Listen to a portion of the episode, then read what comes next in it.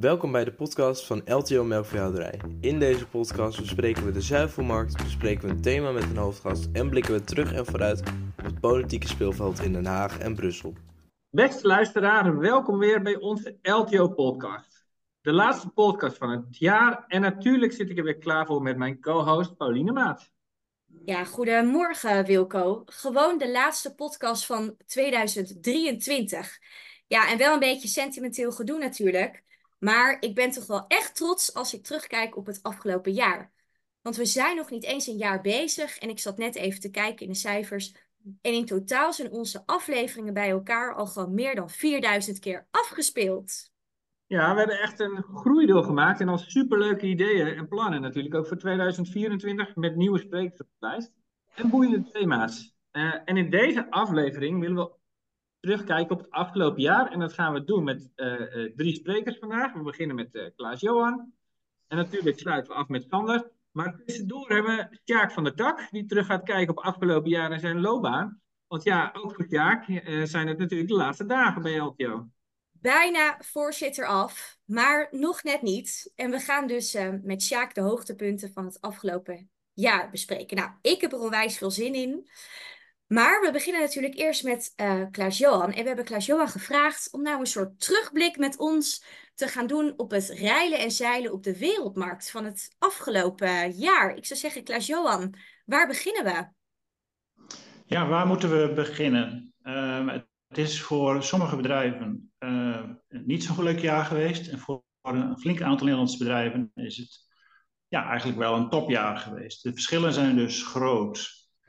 En ik zal proberen dit in een paar zinnen uh, samen te vatten, want we kunnen daar wel een uur aan besteden, Paulien. Je ziet dat in de varkenshouderij en de pluimveehouderij en in de fruitteelt veel uh, ondernemers goed inkomen hebben genieten in 2023. Je ziet dat melkveehouders en akkerbouwers gemiddeld gesproken iets op achteruit gaan naar het bijzondere jaar 2022. En we zien dat uh, calamiteiten, zoals dierziekten en extreem weer, nattigheid, het late voorjaar, van grote invloed zijn op de resultaten van dit jaar. Uh, en uh, dit is dan met dank even aan de cijfers van het CBS, het Centraal Bureau voor Statistiek en uh, Wageningen, die afgelopen maandag met ramingen kwamen voor het inkomen van de boeren en tuinders. Laat Johan, en nou noem jij natuurlijk al een aantal bepalende factoren. Hè? Weer, daar hebben we ook nu nog wel mee te maken. Wat nou waren nou nog echt afgelopen jaar sterke factoren die echt de, uh, beïnvloed hebben? Ja, nou in 2022 weten we nog, hè, we kwamen uit de coronacrisis. En, um, en de oorlog natuurlijk in de Oekraïne begon. En we zagen dus over de hele linie sterk stijgende kosten met een hoge inflatie. En de afzetprijzen die zijn dat met enige vertraging gevolgd.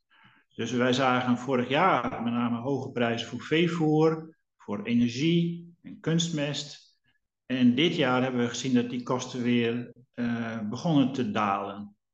Maar uh, als je kijkt naar rentekosten en kosten van arbeid en verzekeringen, die zijn rustig door blijven stijgen. En dan in de veehouderij, met name uh, de kosten van de mestafzet stijgen ook, omdat de Europese nitraatderogatie vanaf 2023 stapsgewijs wordt afgebouwd.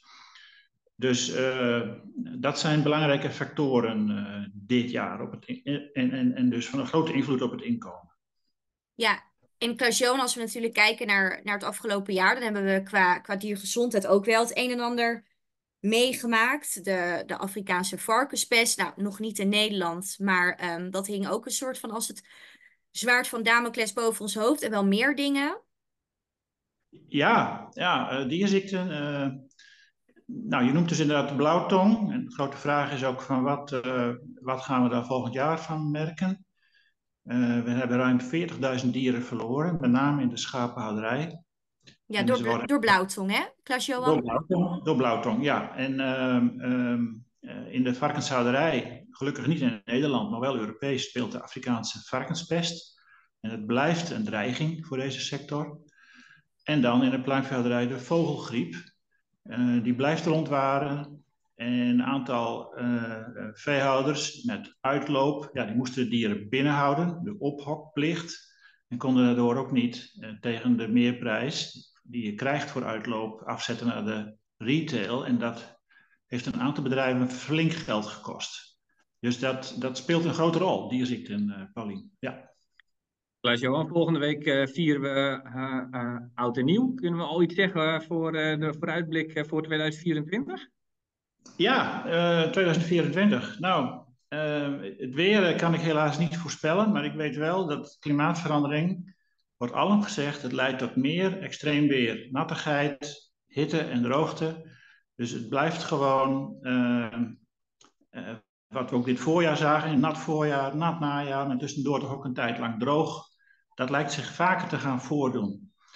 En um, wat kunnen we nog meer zeggen? Nou, we zijn natuurlijk bekend in de landbouw met de zogenaamde varkenscyclus. hoge prijzen trekken meer aanbod aan.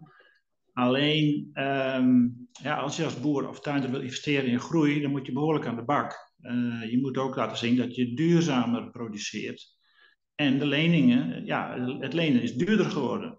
Misschien uh, gaat de Europese Centrale Bank en ook de Fed in Amerika later, dit, later volgend jaar weer de rente verlagen. Uh, maar uh, ja, het is allemaal wel duurder geworden. Inflatie neemt af, maar de kosten liggen op een behoorlijk hoger niveau dan een paar jaar geleden. Um, en Klaas-Johan, ja. als we dan um, bijvoorbeeld ook gewoon kijken naar, naar overheidsbeleid, maar we hebben bijvoorbeeld in onze podcast niet per se vaak over de olieprijs gehad, maar olieprijzen hebben natuurlijk ook wel degelijk hun effect op, uh, op het boerenerf. Hoe ziet dat er dan uit? Ja, nou dat is uh, een boeiend onderwerp. Uh, de olieprijs bepaalt de prijs van heel veel grondstoffen. En ook in de land- en tuinbouw.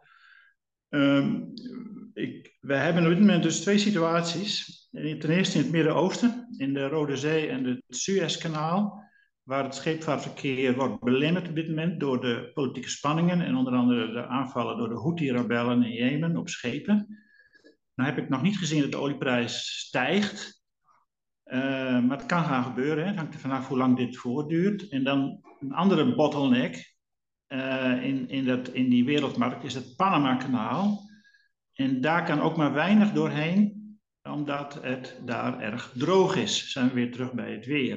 Dus je ziet dat die uh, handelstromen, die mondiale handelstromen, daardoor worden beïnvloed. En als je dus moet omvaren via Afrika met je grondstoffen, met je landbouwproducten, ja, dat kost dus twee weken extra. Dus dat is uh, iets wat, we, wat zeker ook, ik, ik hoor die geluiden nog niet, maar wat zeker in de land- en tuinbouw een rol kan gaan spelen. Uh, Klaas-Johan, nou zagen we natuurlijk dat uh, de, de, eerste komende maanden is nog wel de verwachting dat melk is redelijk optimistisch. Kan je nog wat zeggen over andere producten in de markt of wat jij verwacht? Nou, we zien uh, suikerprijs was goed. Zakt op dit moment wel iets terug. Komt wat meer aanbod. Uh, ik kan me voorstellen dat uh, vlees en eieren ook. Nou, er is. Even, even terug naar het overheidsbeleid. Paulien had het daarover. Ja, we zien gewoon toch minder aanbod van producten in de Europese markt. Door in Nederland de uitkoopregeling bijvoorbeeld. In de varkenshouderij. Dierziekten. En natuurlijk, de verduurzaming en de hele Europese Green Deal heeft een invloed op de productie. Dus we zitten daarmee nu met een vraagmarkt. Dus dat gaat voorlopig wel, denk ik, een grote rol spelen in die markt in 2024. Nou, voor melk zijn we ook nog redelijk optimistisch de komende tijd. Weinig aanbod, hè? dus uh, we kunnen eigenlijk de vraag niet goed volgen. En aardappelen, nou ja, dus is, uh, er wordt nog steeds gerooid. Dus ik zie, uh, ik zie het aanbod uh, niet, niet echt. ik zie daar ook eigenlijk wel een vraagmarkt. Nou, Klaas-Johan, het is zo even een vogelvluchtje. Is het natuurlijk, we zouden hier een hele podcast wel aan kunnen vullen. Maar ik wil jou bedanken zo voor, voor deze terugblik. En ook in het nieuwe jaar blijf jij vast onderdeel van onze podcast. Dus um, superleuk in ieder geval. Nou, dan gaan wij gauw door naar onze hoofdgast van vandaag. Ja, Sjaak, wat goed dat je er bent. Ik, uh, ik weet dat jij uh, nog echt een hele drukke week hebt, zo die laatste week dat jij nog aan het werk bent. Ik uh, ben blij dat jij tijd voor ons had vandaag. Natuurlijk. Voor medewerkers die zo'n leuk initiatief ontwikkelen als de LTO Podcast. Dames en heren, u moet hem iedere week bekijken. Dat, dan blijft u bij dan weet u van de hoed en de rand. En onze medewerkers, als het elite team van LTO, die zullen u volstrekt en heel goed informeren. Nou, Sjaak, dat, uh, dat is een compliment uh, waar we mooi de kerstvakantie mee in kunnen gaan. Hey, ik dacht het is wel even leuk om te beginnen. Als communicatieadviseur heb ik natuurlijk het afgelopen jaar veel met jou mogen samenwerken.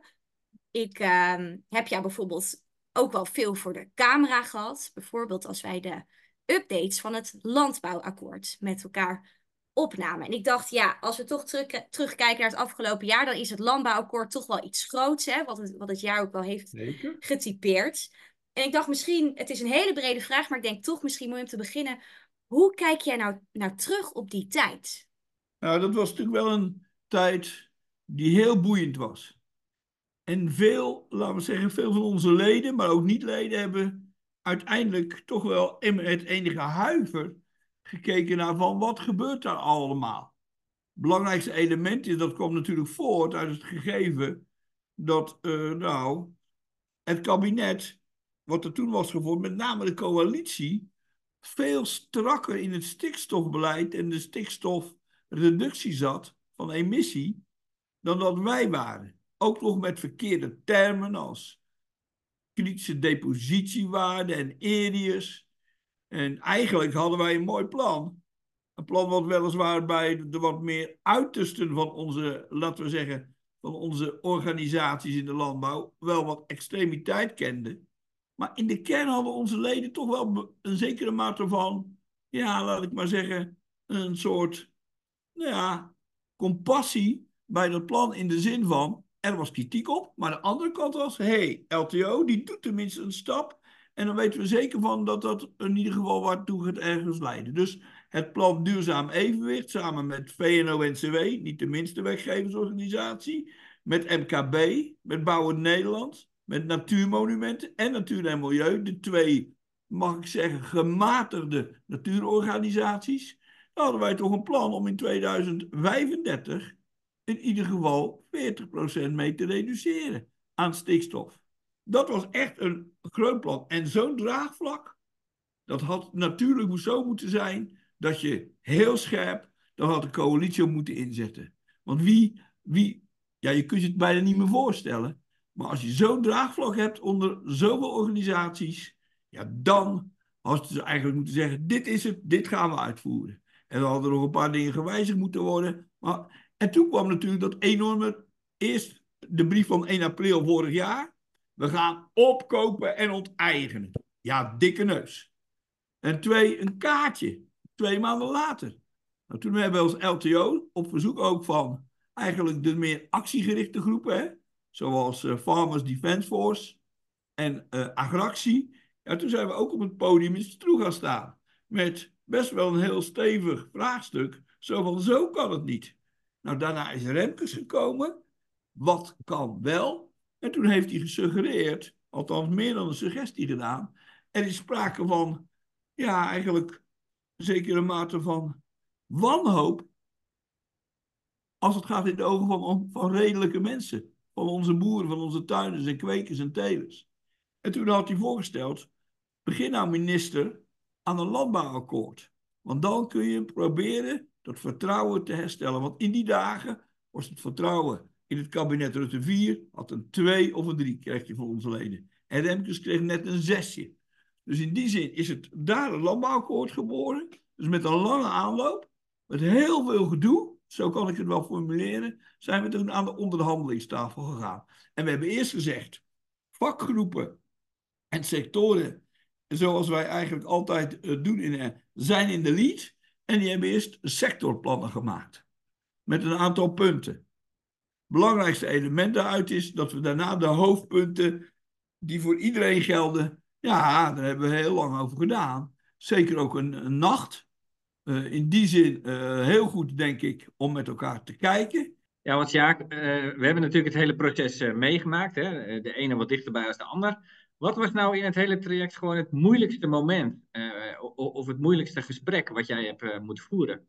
Nou, eigenlijk natuurlijk wat wij niet... Kijk, je kreeg bijna een situatie terug zoals twee jaar eerder in het landbouwcollectief. en daar wilden wij absoluut niet in instappen. Iedere organisatie vonden wij heeft eigen opvattingen en je kunt overleggen met elkaar. Nou, die overleggen waren niet meer als Wilco. Ik denk dat jij als lid van de vakgroep melkveehouderij denkt van jeetje, wat gebeurt hier? Dus dit was heel ingewikkeld. Maar het bijzondere was, ik kreeg ze wel mee naar het katshuis. Dat is het overleg waar uiteindelijk de regering met grote partijen uh, overleg pleegt. Dus iedereen van NMV, van Agractie, zelfs de trekkerboeren waren aanwezig, zaten aan de tafel met minister-president Rutte, uh, met uh, minister Adema en met minister Van der Wal hier overleg over te plegen. Dus hier, dit was het echt wel, als je dat traject bekijkt, dan krab ik nog 25 keer achter mijn oor, maar dat is uiteindelijk wel gelukt. Ja, want Sjaak, wij, wij, uh, wij kennen LTO natuurlijk en we hebben best wel een ingewikkelde organisatie. Hè? We hebben natuurlijk drie regio's ook nog. We hebben 18 sectoren. En met die grote diversiteit waren natuurlijk vast ook wel heel veel verschillende belangen ook. Dat is denk ik ook wel een hele uitdaging geweest natuurlijk bij het landbouwakkoord. Ja, ja, Paulien, je zegt het goed. Het kan eenvoudiger. Mhm. Maar de vraagstelling is of je dan wel een goede landbouworganisatie in zijn geheel uiteindelijk organiseert. Want het gaat erom dat iedere regio ook weer anders is. Een Fries, die kent niet het Limburgs volkslied. En een Limburg kent niet het Fries volkslied. Dus in principe zijn het ook echt andersoortige bedrijven. Um, natuurlijk wel een paar verbindingen, grote verbindingselementen die erin zitten. En dan ook nog, uh, laten we zeggen, ook de eigenstandige regio's. Van goh, uh, waar we natuurlijk soms zien we iets in de regio opbloeien. En dan zeggen wij hier landelijk, nou een beetje minder mag ook wel. Maar ook, het kan ook andersom. Dat wij als landelijk eh, samen met de vakgroepen iets zeggen, nou, zoals nu met de melkveehouderij is gebeurd. Een hele, na het landbouwakkoord. Heel goed dat de melkveehouderij met de eigen, met hier en daar de primaire organisaties die er zijn, bijvoorbeeld de Nederlandse Melkveehoudersvakbond, een eigen plan hebben gemaakt over CO2. Heel goed na het landbouwakkoord, ga daarmee door. Maar dit zijn natuurlijk wel elementen waarin je eigenlijk moet zeggen, ik heb er eigenlijk zeer recent het advies gegeven. Ga toch intensiever samenwerken. Dus de Wilco de Brouwer, de koning, zeg maar zeggen, in de vakgroep uh, melkveehouderij, die moet samen met zijn collega in regio Noord of regio Zuid, of een ZLTO of uh, eh, LTO Noord, of de Limburgers, kijken of we daar toch meer, maar ook op kantoor, uh, met, bij, met, de, met de vier kantoren, dat we intensiever gaan samenwerken om het belang voor onze leden te dienen. Want dan krijgen we denk ik er nog meer leden bij. Raak was dat dan ook het, uh, het moeilijkste wat je dan afgelopen jaren hebt moeten doen? Al die verschillende sectoren bij elkaar uh, houden en daar het gesprek mee aangaan? Daar was ik wel in ieder geval voor binnengehaald. Het lag een beetje, het waren allemaal eilandjes. Ieder op zijn eigen eilandje. En het eiland landelijk, LTO Nederland, zag men eigenlijk, daar had men ook niet zoveel vertrouwen in.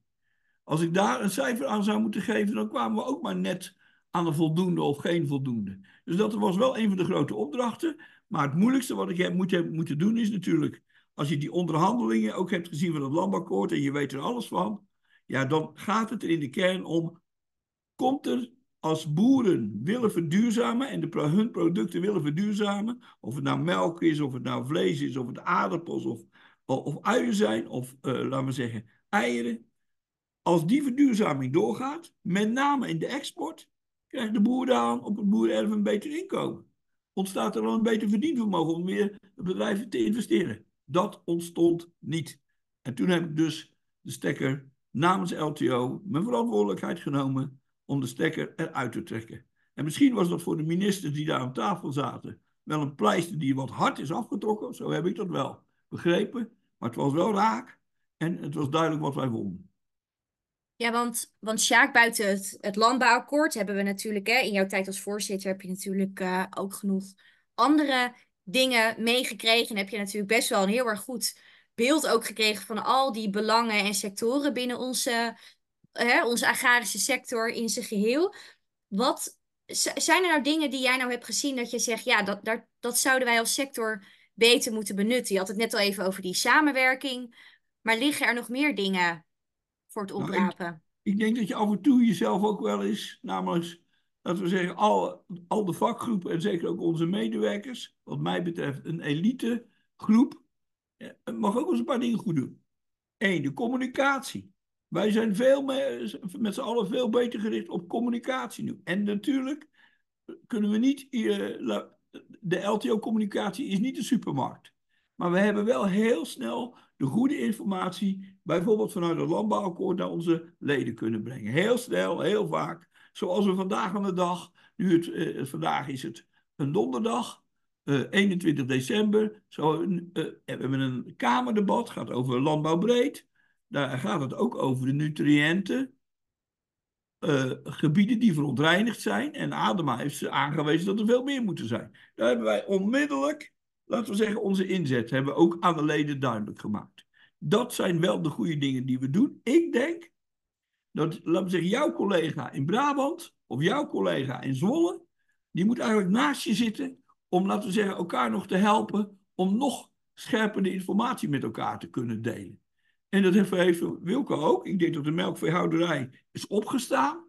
Ik bedoel, die hebben inmiddels een melkveecongres georganiseerd. Ik, kijk, dat zijn nou precies de dingen die we uiteindelijk als gematigde organisatie in ieder geval moeten ontwikkelen. En laat anderen maar die acties organiseren. Dan doen wij de standpunten, de beste standpunten voor heel de sector.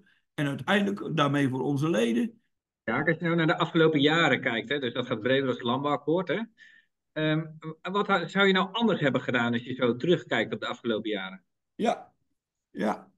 er zijn altijd dingen. Die, ik ben niet gauw tevreden over mezelf, eh, beste Wilco. En, uh, dat, is, dat vind ik, een eigenschap die ik uh, graag heb meegekregen. Laat ik het maar zo zeggen. Het belangrijkste element wat ik vind, is dat we eigenlijk Klaas-Johan en de mensen in Brussel ik geloof dat we aan het begin van deze periode, van, daar zaten we met anderhalve man, en mag ik zeggen, niet Klaas-Johan, maar als bestuurder, uh, een paardenkop. En we gaan langzamerhand naar vijf à zes mensen. En nog is het, Klaas-Johan die merkt zoveel, die moeten we eigenlijk naar, naar een mannetje of tien hebben, of een elftal. Dan kun je nog meer de goede, dan kun je goed, nog meer goed de belangen behartigen in Brussel. Want daar komt veel vandaan. En dan kun je proberen in ieder geval gaten in dat beleid te schieten. Een voorbeeld daarvan is dat er nog steeds geen Europese voedselstrategie is. Het gaat over natuur en het gaat over Green Deal en Farm to Fork, eh, maar niet over de Europese voedselstrategie. Dat is één. Tweede element wat echt belangrijk ook is, die ik uh, gemerkt heb, is ja, jij op het boerenerf, maar ook jouw collega akkerbouw of je collega glastuinbouw of een fruitteler die wordt bedolven onder, laten we maar zeggen, allerlei geboden en verboden. Dat noemen we middelenwetgeving. Ja, weet je, jij weet zelf wel hoe je op een boerenerf, in ieder geval met jou, je moet jou eigenlijk een kader meegeven.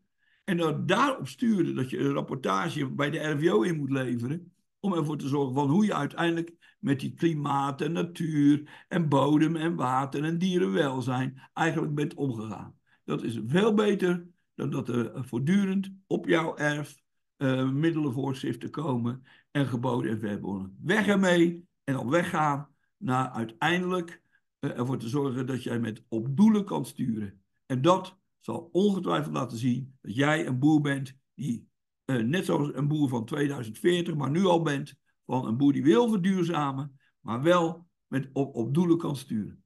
En Sjaak, als wij dan, uh, jij bent zo meteen voorzitter af, jij wordt 1 januari wakker, ja, en dan, dan heb je er geen, uh, geen, geen invloed meer op, om maar zo te zeggen. Als we nou tien jaar vooruit kijken, wat hoop je dan dat er veranderd is binnen de agrarische belangenbehartiging? Nou, feit is dat ik mij soms ontzettend erger aan media. Een voorbeeld daarvan is, laat ik het maar duiden, de brief van Van der Wal op 1 april 2022 opkopen en onteigenen. De twee mensen die daar aan tafel zaten, Jort Kelder, niet de minste, en Arjan Lubach, die samen met die minister daar aan tafel zaten, ze wisten geen zak van de landbouw, nog van de veehouderij.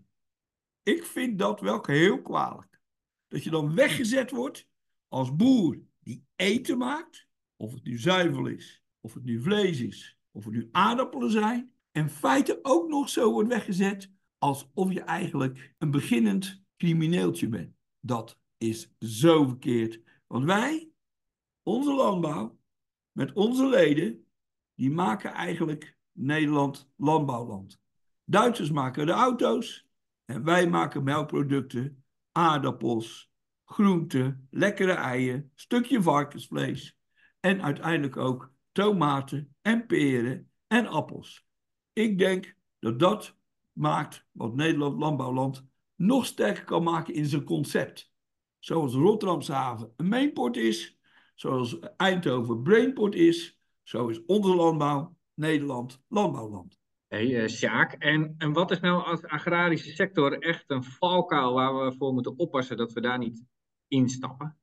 Ja, voortdurend moet je oppassen. Dat vind ik eigenlijk al uh, uh, heel erg belangrijk. Kijk, de valkuil is, je moet de samenleving meenemen. En door podcasten als deze, maar ook misschien eens een keer met elkaar een soort, uh, heel, net als wat je doet, verhalen van onze boeren laten vertellen en dat in een podcast wegzetten. Ik denk dat dat voortdurend waar jij, hoe jij omgaat, uiteindelijk met je grasland, hoe jij omgaat met het GLB, hoe jij omgaat met van verduurzaming, dat zou je eigenlijk met al dit soort, ja, laat ik maar zeggen, met 17 van onze vakgroepen en sectoren voortdurend in beeld moeten brengen. Juist om dat betere verhaal van iedere boer in ieder geval ervoor te zorgen dat dat uh, ja, aan de keukentafel je dat kan volgen.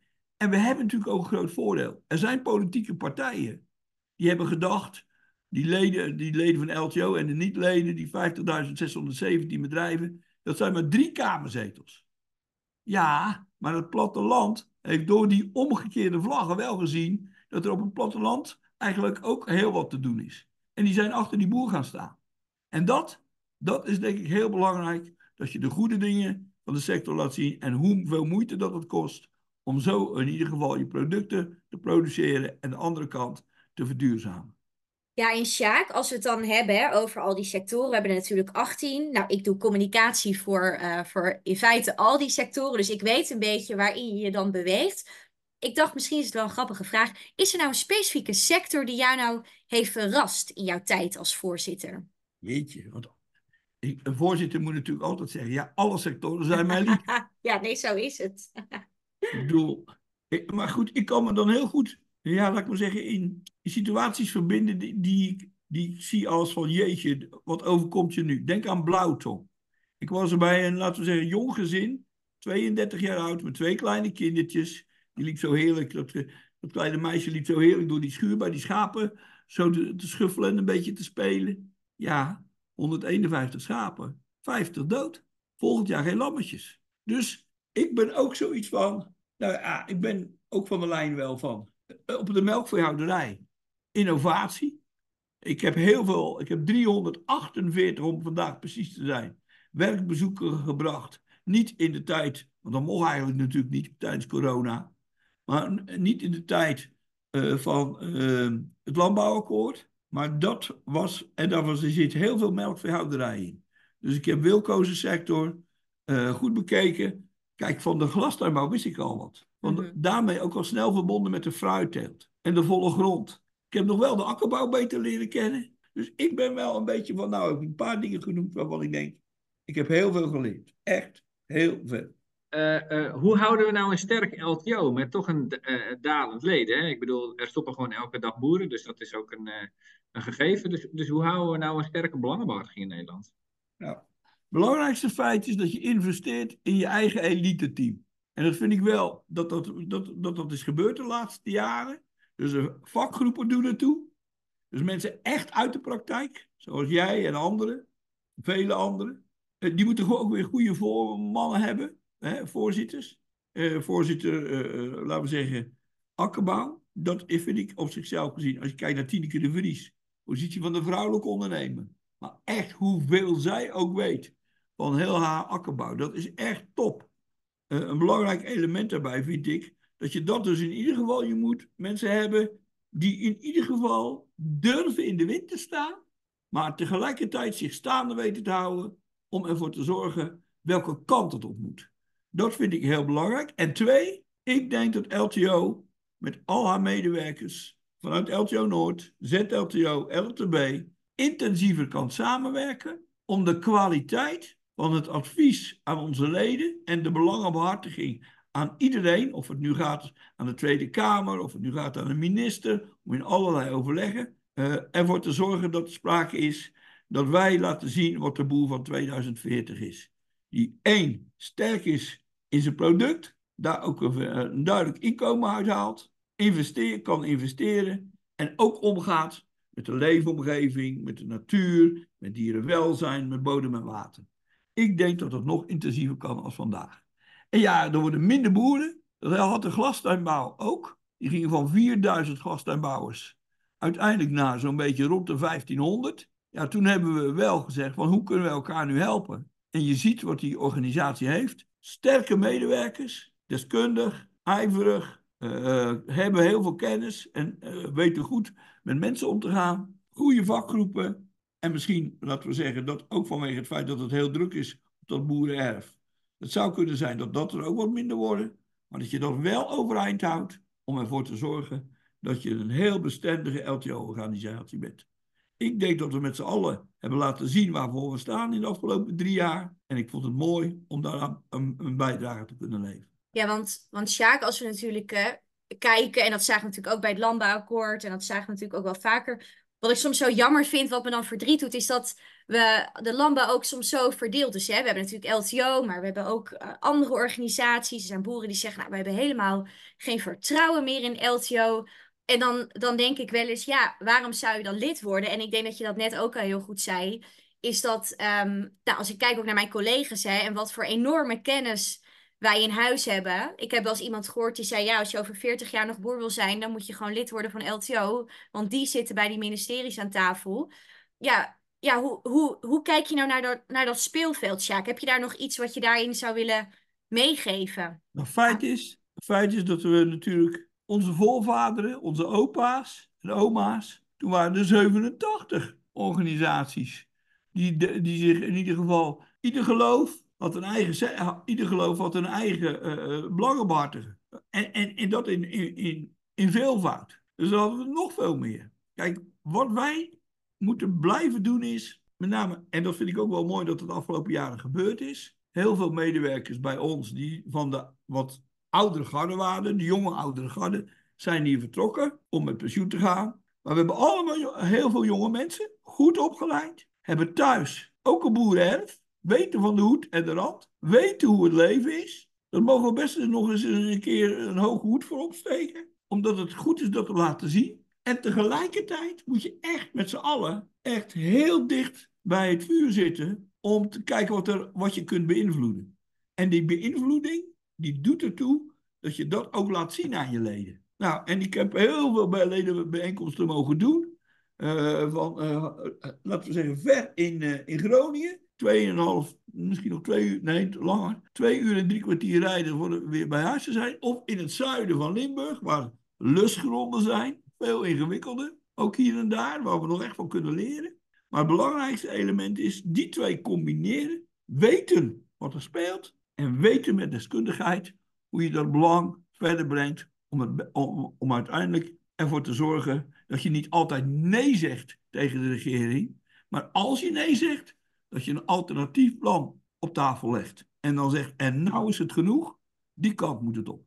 Ja, nou hebben we het natuurlijk over, al gehad over een aantal moeilijke momenten. Maar wat was nou ook echt een, een, een mooi moment in de afgelopen jaren? Die jij, de, dat je denkt van nou, als ik, eh, als ik daaraan terugbreng, dat was toch echt wel uh, iets moois wat, we, wat, ik, wat ik bereikte of meemaakte. Nou, die ledenvergadering kan ik nog. Een van die ledenbijeenkomsten. Of een van de laatste. Of, uh, in Lutte. Hè, dat is heel ver in Noordoost-Twente.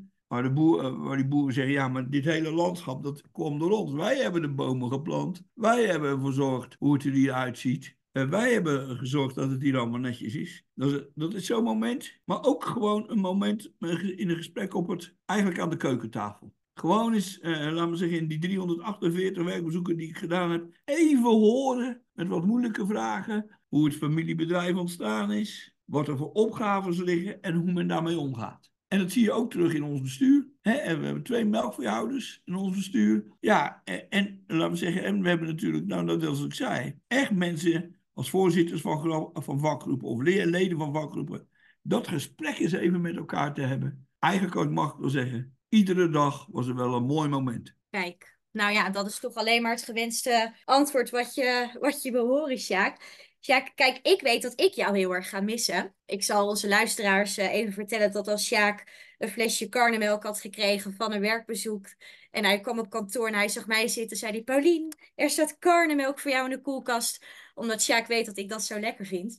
Maar Sjaak, wat ga jij nou echt missen? Ja, misschien ga ik het pas ontdekken als ik niet meer als voorzitter actief ben. Ehm, ik vind, kijk, ik vind het een sector die Nederland groot heeft gemaakt. En ik hoop dat we door al die gesprekken, eh, die ook soms polariserend zijn, als, je moet, als, je, als het polariseert, altijd in gesprek blijven. Niet weglopen, niet wegkijken, maar kijken of je, zoals iemand mij geleerd heeft, een koe in de bek kijkt. Uh, uh, dat moet je aanpakken. Maar ik denk en ik hoop dat Nederland in staat is om een landbouw te maken met boerentuinders, kwekers en telers. Om in 2040 te zeggen, ja, dit is het landbouwland wat nog steeds in ieder geval van een groot belang is om de steeds groeiende wereldbevolking ook vanuit Europa in ieder geval te voeden. Ja, nou, dankjewel eh, Sjaak. Eh, voor mij de laatste vraag eh, aan jou. Wat wil jij nou nog meegeven aan onze leden? Dat is geen eenvoudige vraag. Ik denk, ja, gebruik je boerenverstand.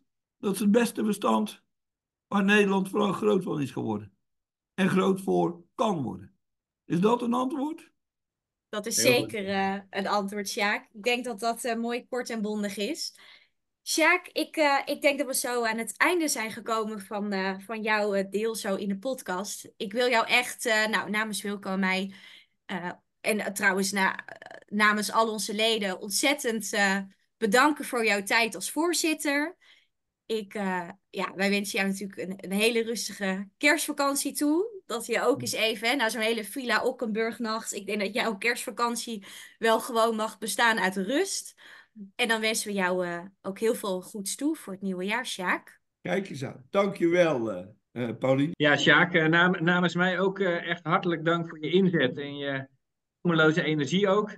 En uh, nou ja, ook uh, na uh, je vertrek ben je van harte welkom om, om het 349ste bezoek nog een keer bij mij koffie te komen drinken. Wie weet haal je de 350 dan nog. Ja. Nou, dat gaan we doen, Wilco. Gaan we doen. Dankjewel nou, voor die uitnodiging. Wij een waar genoegen en een grote eer om voorzitter van LTO Nederland te laten zijn en te mogen zijn. Nou, dankjewel. En dan gaan we nu door naar Sander. Sander, jij ook welkom in onze podcast. Ja, we zijn vandaag aan het terugkijken. Als jij naar afgelopen jaar kijkt, uh, wat, wat, wat, zie jij dan? Uh, nou, de komende verkiezingen komen natuurlijk het eerste in, um, in beeld. wat dat betreft is een bewogen jaar. Het eerste half jaar stond toch wel in centraal het landbouwakkoord. Nou, jullie hebben er met uh, Sjaak ook al over gesproken. dat was ook al een periode dat de Kamer de hele tijd zei... wij kunnen nu niet zoveel, want alles wordt besproken aan die landbouwakkoordtafel... Uh, en wij kunnen achteraf pas wat over vinden. Nou goed, uh, we kennen de politiek. Uiteindelijk zijn ze niet stil gaan zitten. Ja, en daarna viel het kabinet af uh, de zomer. En was opeens de verkiezingen waar alles om draaide. Dus ja, eigenlijk, het ging uiteindelijk minder om de debatten en meer om wat er omheen gebeurde. Ja, Sander, het, we hebben inderdaad politiek gezien echt een, een bewogen jaar gehad. Met natuurlijk heel recent de verkiezingen. Nou, op dit moment zijn ze bezig met een een formatie en hoe en wel dat, dat nog niet wil lukken.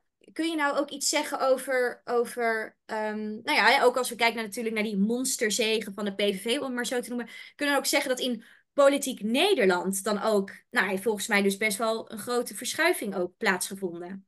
Ja, er is wel een flinke verschuiving plaatsgevonden tussen de partijen. Het is niet, wat we de vorige keer nog zagen, dat uh, een beetje stuivertje gewisseld wordt en dat je hetzelfde kabinet kreeg na de verkiezingen. Uh, wat we nu wel weer zien is een flinke verschuiving naar nieuwe partijen. Of uh, een partij die nog nooit aan de, uh, of tenminste al lang niet meer aan de macht is geweest, namelijk de PVV. Dat die nu de meest invloedrijke partij kan worden.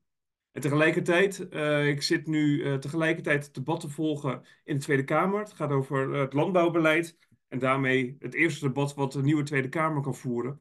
En dan zie je toch al wel weer een beetje waar mensen op gaan inzetten. En wat opvalt is denk ik vooral een uh, nieuw sociaal contract bijvoorbeeld, die wel duidelijk aangeeft dat voor de intensieve veehouderij niet meer echt een plek is in dit land. Uh, dat kenden we natuurlijk al van partijen als Partij van de Dieren, D60, GroenLinks, maar ook een nieuwe grote partij als Nieuw Sociaal Contract zegt van ja, we moeten weer meer naar grondgebondenheid en excessiever gaan boeren uh, in plaats van de weg van intensivering. Dus dat is wel echt een grote omslag die je ziet gebeuren. Ehm, nu ook een nieuwe woordvoerder van de PVV, die kwam aan het woord. En dan zie je nou, op zich, dat was een redelijk bekend terrein. Uh, los de pasmelders op, stop met dit stikstofbeleid. Ja, die kenden we wel, die route. Maar het zijn vooral de nieuwe partijen die daar in een ja, nieuwe toon uh, aanslaan. Als je dan natuurlijk de afgelopen jaren kijkt, hè, dan, dan zie je heel veel, heel veel dat politiek iets roept, maar dat het dan nog jaren, soms nog jaren duurt voordat er wat geregeld is. Hè. Kijk bijvoorbeeld naar stikstof, weten we eigenlijk nog steeds niet waar we aan toe komen. De, de verplaatsings- en innovatieregelingen zijn nog steeds niet over. Dat is denk ik ook een van de redenen waarom natuurlijk andere partijen echt groot zijn geworden. Als je nou naar 2024 kijkt, denk je dat dan met een nieuwe coalitie uh, er sneller stappen gemaakt ook gaan worden? Nee, want politiek is uiteindelijk ook niet iets van de snelle stappen. Uh, ik moet de eerste keer nog zien dat je met één pennenstreek uh, het verschil gaat maken. Politiek is juist iets van de lange adem. En dat zie je wel terug alleen al bij onze lobby-inzet. Neem iets, afgelopen jaren, decennia, zie je continu dat er ingezet wordt op uh, middelvoorschriften. En wij hameren al jaren op, ga nou die omslag maken naar doelsturing. Zorg nou voor dat er heldere doelen staan waar een boer naartoe kan werken. Maar hoe die dat doet, dat laten we aan de boer zelf. En ook al zagen we nu afgelopen weken weer een heel pakket van die uh, geboden en verboden uh, van het ministerie komen. Van links tot rechts is inmiddels wel de politiek duidelijk dat je naar doelen toe moet. En dat soort omslagen, het kost je jaren tijd, een jaar aan lobby inzet. Maar die omslag zie je wel steeds meer komen. En het is ook niet, nog niet van vandaag of morgen geregeld. En het nieuwe kabinet, in welke samenstelling ze dat ook gaan doen, zal het ook niet in één stap kunnen regelen. Maar je ziet wel dat die stappen gezet worden. Nou ja, nogmaals, politiek is van de lange adem en daarmee ook de inzet zowel vanuit politieke partijen als vanuit LTO in de lobby. Ja, en, en Sander, hè, we kijken natuurlijk terug, maar we kijken uh, met jou natuurlijk ook, ook vaak ook vooruit. Nu natuurlijk de PVV. En nou, vandaag um, hebben we dat eerste debat. Kun jij al een soort, ja, een soort idee geven? We hebben het daar natuurlijk met die verkiezingsspecial ook wel over gehad. Maar misschien heb je nu wel iets meer een idee.